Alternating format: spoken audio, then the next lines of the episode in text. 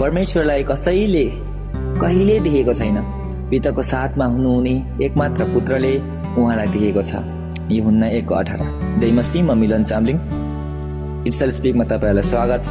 र आज हामी परमेश्वरलाई देखेपछि के हुन्छ भन्ने विषयमा हामी चर्चा गर्नेछौँ। परमेश्वरलाई कसैले कहिले पनि देखेको छैन। तर ज जसले परमेश्वरलाई देखे उनीहरूको जीवनमा के भयो? र हामीले पनि परमेश्वरलाई देख्यो भने हाम्रो जीवनमा के हुन्छ भन्ने विषयमा हामी केही छ छलफल गर्नेछौँ। मानिसले आफ्नै बल बुद्धि क्षमता ज्ञान अनि सामर्थ अनि शक्तिले परमेश्वरलाई देख्न असम्भव छ। परमेश्वरले हाम्रो हरेक कामहरू जान्नुहुन्छ। हाम्रो उठाइ हाम्रो बसाइ हाम्रो बाहिर जाए हाम्रो भित्र आए। अनि हामीले बोल्नुपर्ने हरेक कुराहरू हामीले बोल्नुभन्दा अघि नै उहाँलाई थाहा हुन्छ। उहाँ हाम्रो नजिकै हुनुहुन्छ तर पनि हामी उहाँलाई देख्न सक्दैनौँ। बाइबलले भन्छ कि परमेश्वरलाई देखेपछि कुनै पनि व्यक्ति जीवित रहन सक्दैन। परमेश्वर यति पवित्र हुनुहुन्छ कि पुरानो नियममा परमेश्वरको पवित्र कुराहरू झाँकेर हेर्न पनि मनाइ थियो। केवल पुजारीहरू मात्र पवित्र स्थानमा जान सक्थे।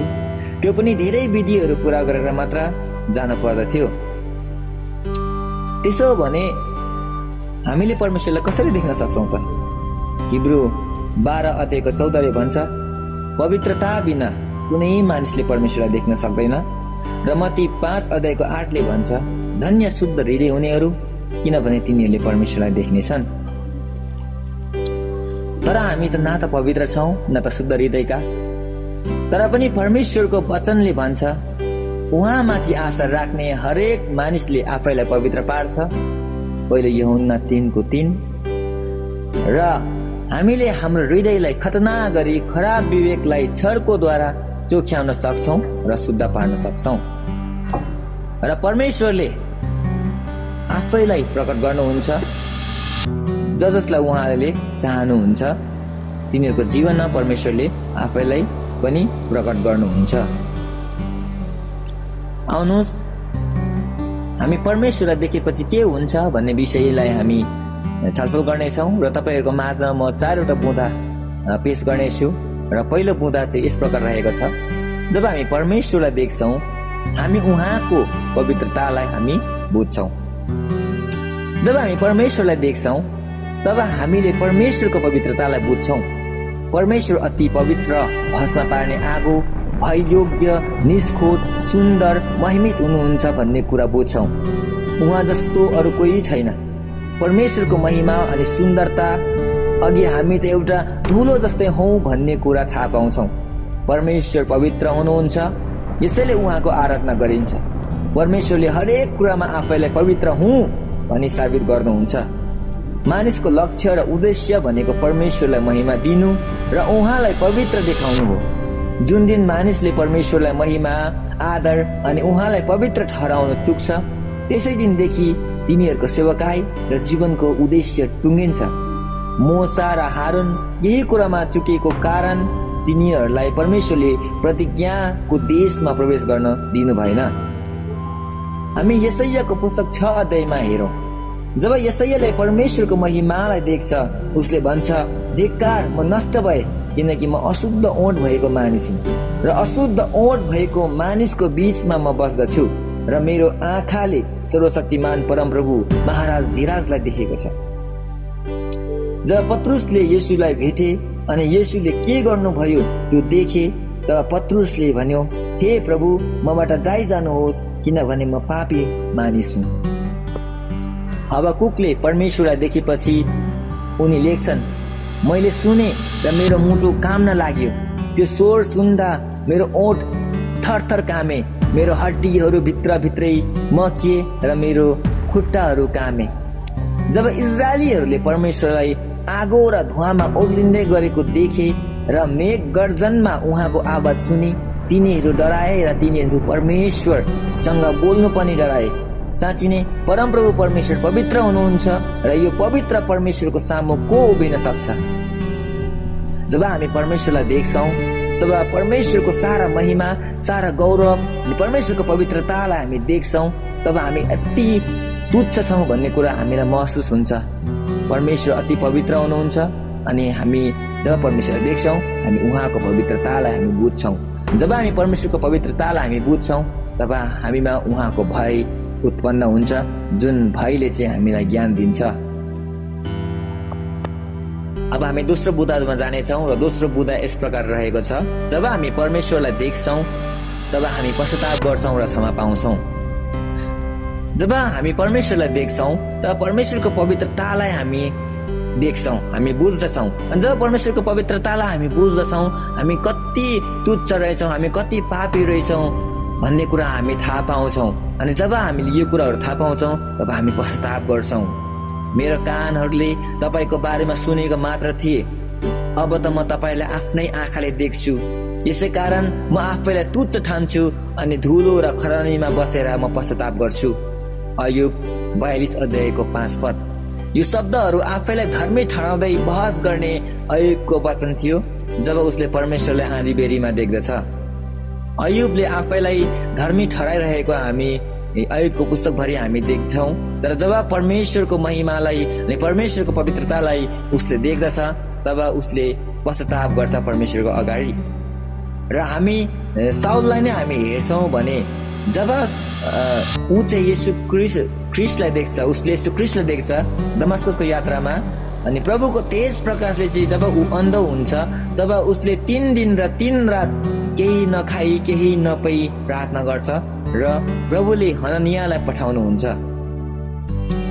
अनि हामी यसैको बारेमा पनि हामीले यहाँ पढ्न पाउँदछौँ कि जब उसले यसैयाले चाहिँ परमेश्वरलाई चाहिँ देख्छ तब उसले पश्चाताप गर्छ तब सराफहरू मध्ये एउटाले बेदीबाट चिम्टाले आगोको भुङ भुङ्रो हातमा लिएर यसैयाको मुखमा त्यो छोइदिन्छ र भन्छ हेर यस्तो तिम्रो ओठलाई छोएको छ। अब तिम्रो अधर्म मेटियो र तिम्रो पापको प्राश्चित भयो। जब परमेश्वरलाई मानिसले देख्छ त्यसले उहाँको पवित्रतालाई बुझ्छ अनि पश्चाताप गर्छ अनि क्षमा पाउँछ। तब तिनीहरूलाई परमेश्वरले चाहिँ एउटा नयाँ उद्देश्य दिनुहुन्छ। अब हामी सरस तेस्रो बुदामा जानेछौँ र तेस्रो बुदा यस प्रकार रहेको छ। जब हामी परमेश्वरलाई देख्छौँ तब हामीले नयाँ उद्देश्य पाउँछौँ। तब परमप्रभुको यो आवाज सुने। म कसलाई पठाउँ र हाम्रो निम्ति को जाने? यसो या छको आठ। जब हामी परमेश्वरलाई देख्छौँ हामीले एउटा नयाँ उद्देश्य पाउँछौँ परमेश्वरबाट। मोसाले पनि जब परमेश्वरलाई देख्छ तब मोसाले परमेश्वरबाट एउटा नयाँ उद्देश्य पाउँछ। इजरायलीहरूलाई दशकताको देशबाट छुटकारा गरेर परमेश्वरले तिनीहरूको पिता पुर्खालाई प्रतिज्ञा गर्नु भएको देशमा लैजनालाई परमेश्वरले मोसालाई नियुक्त गर्नुहुन्छ। यसरी मोसाले आफ्नो जीवनमा एउटा नयाँ उद्देश्य पाउँदछ। जोसले भरिएको फरिसी साउललाई हामी हेर्छौँ भने जब साउलले प्रभु येसुलाई दमस्कसको बाटोमा देख्दछ हामी देख्छौँ कि प्रभुले साउललाई अन्य जातिहरू राजाहरू र इजरायलका सन्तानका सामुने उहाँको नाउँ प्रचार गर्न छान्नुभयो।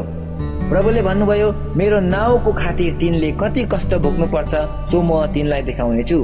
यसै गरिदेखि साउल अर्थात् पाउलले आफ्नो जीवनमा नयाँ उद्देश्य पाए। इजिकेललाई जब हामी हेर्छौँ भने इजिकेलले जब परमेश्वरलाई देखे तब परम प्रभुले इजिकेललाई इजरायलीहरूको निम्ति अगम वक्ता नियुक्त गर्नुभयो।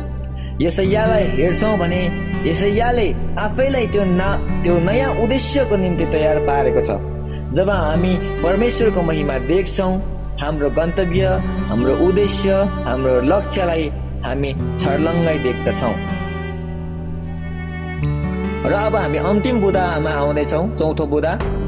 र यो यस प्रकार रहेको छ जब हामी परमेश्वरलाई देख्छौँ हाम्रो जीवन परिवर्तन हुन्छ।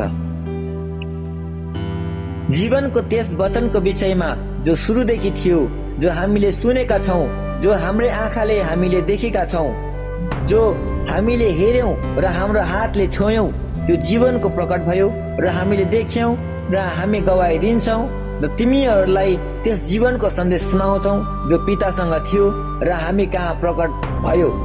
हामीले जे देखेका र सुनेका छौ सो हामी तिमीहरूलाई सुनाउँछौ ताकि हामीहरूसँग तिमीहरूको सङ्गति होस्। हाम्रो सङ्गति पिता र उहाँको पुत्र यीशु ख्रिससँग छ। पहिले यौना एक अध्यायको एकदेखि तिन पदसम्म। सबैभन्दा अन्तिम तर सबैभन्दा मुख्य कुरा चाहिँ जब हामी परमेश्वरलाई देख्छौँ हाम्रो जीवन परिवर्तन हुन्छ। परमेश्वरलाई देखेपछि जीवन परिवर्तन भएरै छड्छ बाइबलमा हामी हेर्छौँ भने जतिले परमेश्वरलाई देखे सबैको जीवन परिवर्तन भएको छ। फेरि पनि साउलकै उदाहरण हेरौँ।